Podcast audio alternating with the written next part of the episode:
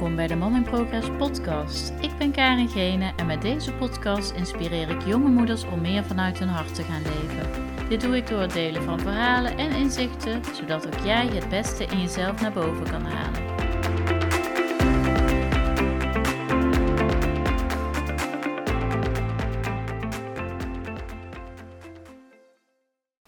Hey, leuk dat je weer luistert naar een nieuwe aflevering van de Mama Progress podcast. Uh, het is half zeven denk ik in de ochtend. En ik ben al uh, lekker een stukje gaan hardlopen. En ik dacht deze keer neem ik mijn telefoon mee en kan mooi uh, meteen aansluitend de podcast opnemen. En nou, ik wandel hier bij ons in het park en het is hier echt zo ontzettend mooi. De zon is natuurlijk net op en ik zie allemaal eenden hier. Um, in, in de karavaan zo door het water. Heel mooi. En uh, ja, in alle rust, want ik ben nog niemand tegengekomen. Ja, dat zijn echt voor mij uh, geluksmomentjes, zeg maar. Die, uh, ja, ik kan hier uren blijven. Maar goed, ik wandel lekker richting huis. En nou, ik stond deze week stil bij het feit dat ik, dat ik vorig jaar een jaar geleden uh, de Mama Progress podcast heb uh, gelanceerd. Dus uh, nou ja, ik heb, ik heb dat in mijn eentje een beetje gevierd eigenlijk. In het kader van successen moet je vieren. Um, ja, ik ben er wel heel trots op eigenlijk. want dit is nu aflevering 32. En nou, het wekelijks is, is niet gelukt, maar mijn ambitie was ook eens in twee weken. Later ben ik wat opgeschroefd en nu merk ik weer dat ik weer uh, frequentie uh, ben gezakt. Maar hoe dan ook, ik heb 32 afleveringen opgenomen en uh, ja, ik ben super trots op mezelf. En ja, dat, dat vind ik gewoon een heel mooie mijlpaal. Um, en ook heel erg dankbaar voor alle leuke reacties die ik krijg.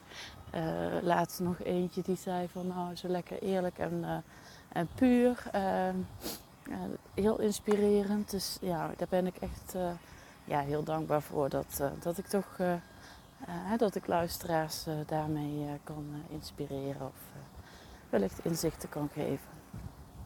Um, en deze week wil ik het eigenlijk hebben over. Um, nou, ik zat zelf te journalen en toen was ik bezig met eigenlijk het moederschap en mijn visie of mijn missie op, uh, mijn visie op opvoeden.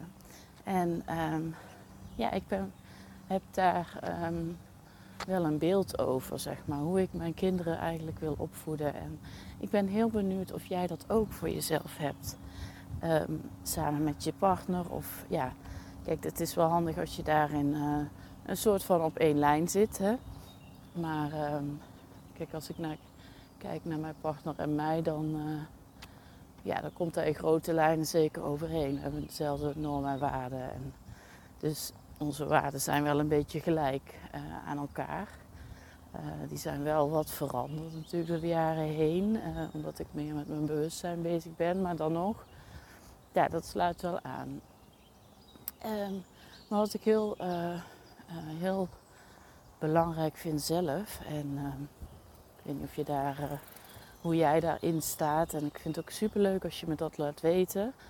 Um, is uh, dat ik het uh, belangrijk vind dat, onze, dat ik mijn kinderen um, eigenlijk soort van begeleid op een pad des levens.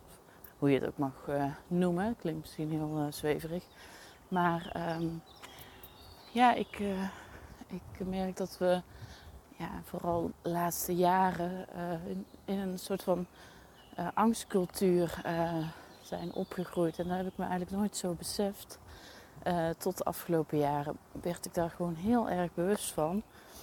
En dat is niet iets wat ik mijn kinderen heel graag mee wil geven. Maar dan denk ik wel, je kunt er als moeder wel, of als ouders wel, het verschil in maken. Dus hoe, wat geef je ze mee en wat, ja, wat laat je in, in minder grote mate aanwezig zijn. Um, nou, ik zelf kijk bijvoorbeeld helemaal geen nieuws. Uh, ik lees ook geen krant, mijn man wel. Uh, maar goed, daarin uh, hebben we ook een modus gevonden. En ik heb ook gezegd van, nou, klinkt misschien gek, maar op het moment dat jij, dat er echt belangrijke dingen zijn waarvan je denkt dat moet Karen weten, dan, ja, dan deel het met me. Dus ehm, ja, zo doen we dat een beetje. En, ja, voor mij geeft dat gewoon heel veel rust. Ik ben gewoon heel gevoelig voor alle invloeden van buitenaf. En het geeft mij gewoon rust als ik me niet um, laat leiden door wat er in, in het nieuws, uh, wat in het nieuws wordt gebracht, zeg maar. Um, ik wil, en niet dat ik mijn kop in het zand wil steken, maar ik denk dat er ook heel veel uh, actualiteiten zijn waar, waar we toch geen invloed op hebben. En die heel vervelend zijn, maar het zal niet. Um, uh, het feit dat ik mij daar rot over voel, draagt niet bij en dat het beter gaat bij uh, die ander. En um, ik ben absoluut voor het steunen van, uh, van goede doelen en bepaalde dingen doen zodat het. Maar ja, de, ja ik, ik zal zeker mijn steentje bijdragen en nou ja, vanuit liefde dingen doen. Maar ja, ik wil me niet dagelijks laten leiden door, door de actualiteiten in het nieuws. En dus ja, zo probeer ik ook richting kinderen de focus te hebben op alles ja, wat wel goed gaat. En ik moet zeggen, dat is best wel een, uh, een pittige. Want voor mij is dat ook, ja, elke keer weer. Um, ja, je, als ik kijk naar de afgelopen jaren, um, de omgeving uh, die, die, en ook op school, daar wordt toch over bepaalde dingen gesproken. Dus ja, goed, daar kun je niet, daar kun je niet omheen en dan bespreek je het. En, maar goed, als je het merendeel van de tijd de focus hebt op het positieve, dan is het ook goed. Dus nu, natuurlijk moet je praten over eh, de oorlogen en weet ik wat er allemaal speelt. Um, maar ja, doe dat in een beperkte mate, denk ik dan. Um, en um, ja, dat brengt me trouwens wel weer naar, het, naar een ander volgende punt eigenlijk. Dat ik het ik wil mijn kinderen echt niet behoeden dus voor al het uh, kwaad. En het, maar ik vind wel op deze leeftijd hoeft ze daar echt nog niet alles van te weten. Um, ik laat ze gewoon liever nog even kind zijn en zorgeloos.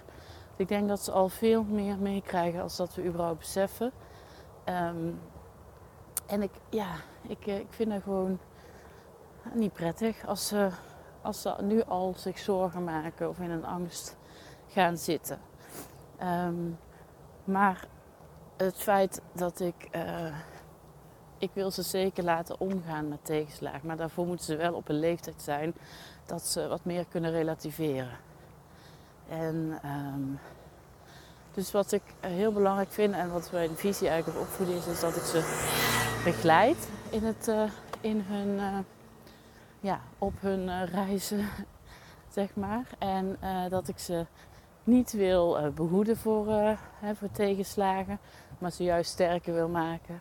Ze juist kracht wil geven. Dus hoe kun je omgaan met bepaalde situaties? Hoe kun je omgaan met je eigen emoties? Um, ik wil niet het verdriet hè, voorkomen, maar ik wil ze krachtiger maken, dat ze weten hoe ze daarmee om kunnen gaan. En, um, ja, en dat is ook iets wat ik gewoon elke dag nog bijleer. Want uh, ik heb zelf ook niet geleerd hoe ik uh, met emoties om moet gaan. En wellicht jij ook niet. En, um, ja, en daarnaast ben ik ook geen opvoedkundige. Dus ik weet ook echt niet hoe het... Ik doe ook maar wat, zeg maar. En dat is echt zo. Maar ik probeer het wel vanuit, ja, vanuit mijn gevoel steeds meer te doen. Vanuit liefde. en natuurlijk loop ik ook gewoon tegen dingen aan. Dat ik het ook even niet weet.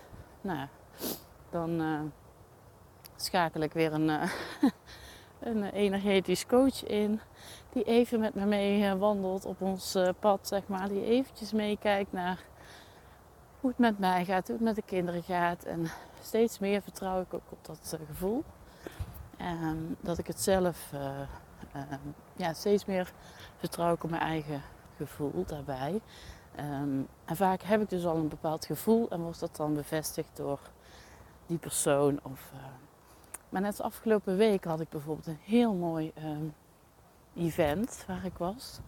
En uh, daar kwam ik ook weer, kwamen ook weer bepaalde dingen aan het licht waarvan ik dacht, oh shit, ja, dat waren best wel pijnpunten, uh, besefmomenten. Dat ik dacht, ja jeetje, dat is echt, um, daar moet ik iets mee. En uh, nou goed, ik zie dat dan als een les. Ik zie dat niet als een frustratie. Nou, even zag ik het als een frustratie. Um, maar goed, dan zie ik het vervolgens weer als een les. Nou, hier mag ik iets mee. Uh, dan heb ik ook al wel voor mezelf voor ogen hoe ik dat ga doen. Um, ja, en dan laat ik het nou ja, los, kan ik het niet laten.